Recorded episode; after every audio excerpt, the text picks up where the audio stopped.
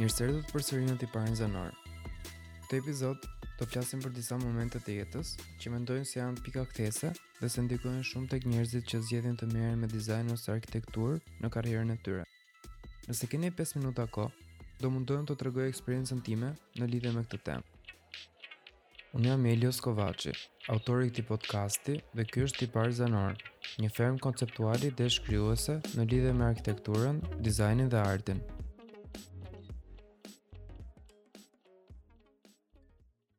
Kur kam qenë 7 vjeç, jetoja në Tiranë. Në atë kohë prindërit e mi blenë një shtëpi pranë detit në Durrës. Ishte shumë e vështirë të shikoja programe në televizor, pasi në Durrës nuk kishte sinjal shumë të mirë dhe për një fëmijë që nuk e ka shumë qejf detin si unë, nuk kishte shumë aktivitete për zgjedhur.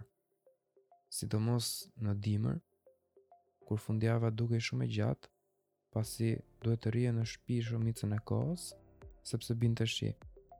Për të kaluar kohën, mundova t'i mbush mendjen prindërve të më blinin një radio portative që suportonte dhe mungesën e energjisë elektrike. Kur shkova në një nga dyqanet elektronike të kohës për të blerë radion, më bëri përshtypje një radio shumë e vogël, Philips AE 1505. Dizajni i radios ishte shumë modern për kohën, me ngjyra dhe forma të arkuara, ndryshe nga radiot e tjera që kishin një dizajn më drejtkëndor. Ushqimin e merrte nga dy bateria A, që e bënin shumë praktike dhe në momente kur iknin dritat. gjë që ishte një nga problemet më të zakonshme në Shqipërinë asaj kohe, unë vazhdoja të dëgjoja muzikë me këtë radio. Radio ngjante si një copë pajisje nga e ardhja, me pjesën e sipërme transparente dhe pjesën e poshtme ngjyrë metalike e perforuar me pika. Në pjesën e përparme kishte një ekran të vogël ku mund të shikoje frekuencën e radios, e cila ndryshohej në anën e majtë me një rrotë të vogël gjysëm të dalë nga trupi i radios. Në pjesën anësore kishte edhe mundësi të vendosje një palë kufje për të dëgjuar vetëm një person. Në momentin kur e bleva këtë radio, fillova të eksploroja kanalet. Një nga kanalet më të mira të kohës ishte Top Albania Radio. Aty dëgjoja muzikë dhe një nga programet që transmetoheshin gjithmonë të premten pas mesnate.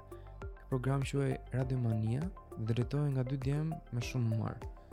Po ta krahasoj me kohën tani, kjo radio dhe ky program ishte si të dëgjoje YouTube-in e kohës atëhershme.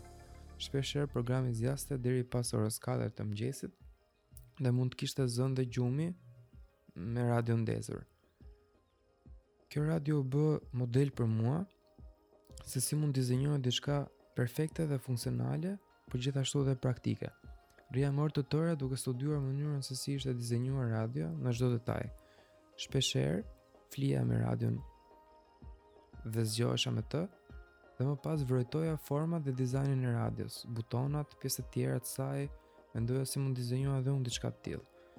Shikoja dhe vidat në pjesën e mbrapme dhe mendoja a ta hap një herë për të parë si është organizuar brenda, por nuk e bëra për të mos e prishur.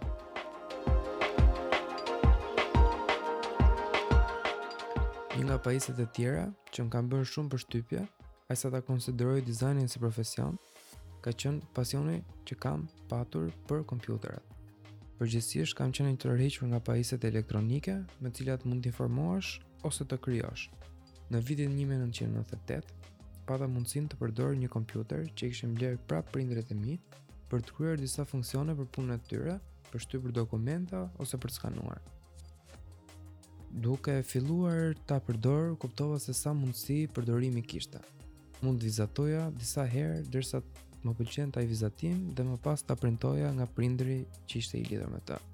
Ose mund të skanoja një vizatim që kisha bërë më parë dhe të vizatoja sipër në kompjuter. Kompjuteri kishte dhe lojra të cilat krijonin qytete të tëra si SimCity ose Sims Në fillim të lojës, jepej një fushë e bardhë ku mund të filloje të vendosje rrugët e qytetit, e më pas vinin njerëz që ndërtonin shtëpi, e më pas me kalimin e kohës zhvillohej një qytet i tërë.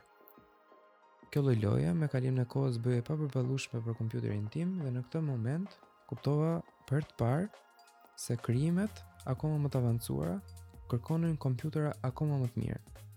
Më pëlqente kombinimi i hapësirës digjitale me elemente të jashtëm, pasi mund të prodhoje një numër të palimituar mjetesh dhe ndërkohë që mendoja në mënyrë shumë të përciptë për të studiuar arkitekturë, sa herë që kisha një eksperiencë me këto vegla, më shtohej gjithmonë më shumë dëshira për të studiuar arkitekturë dhe dizajn, sepse do kisha mundësi të kombinoja nevojën për të qenë kreativ me këto mjete, të cilat e shtojnë mundësinë për të krijuar.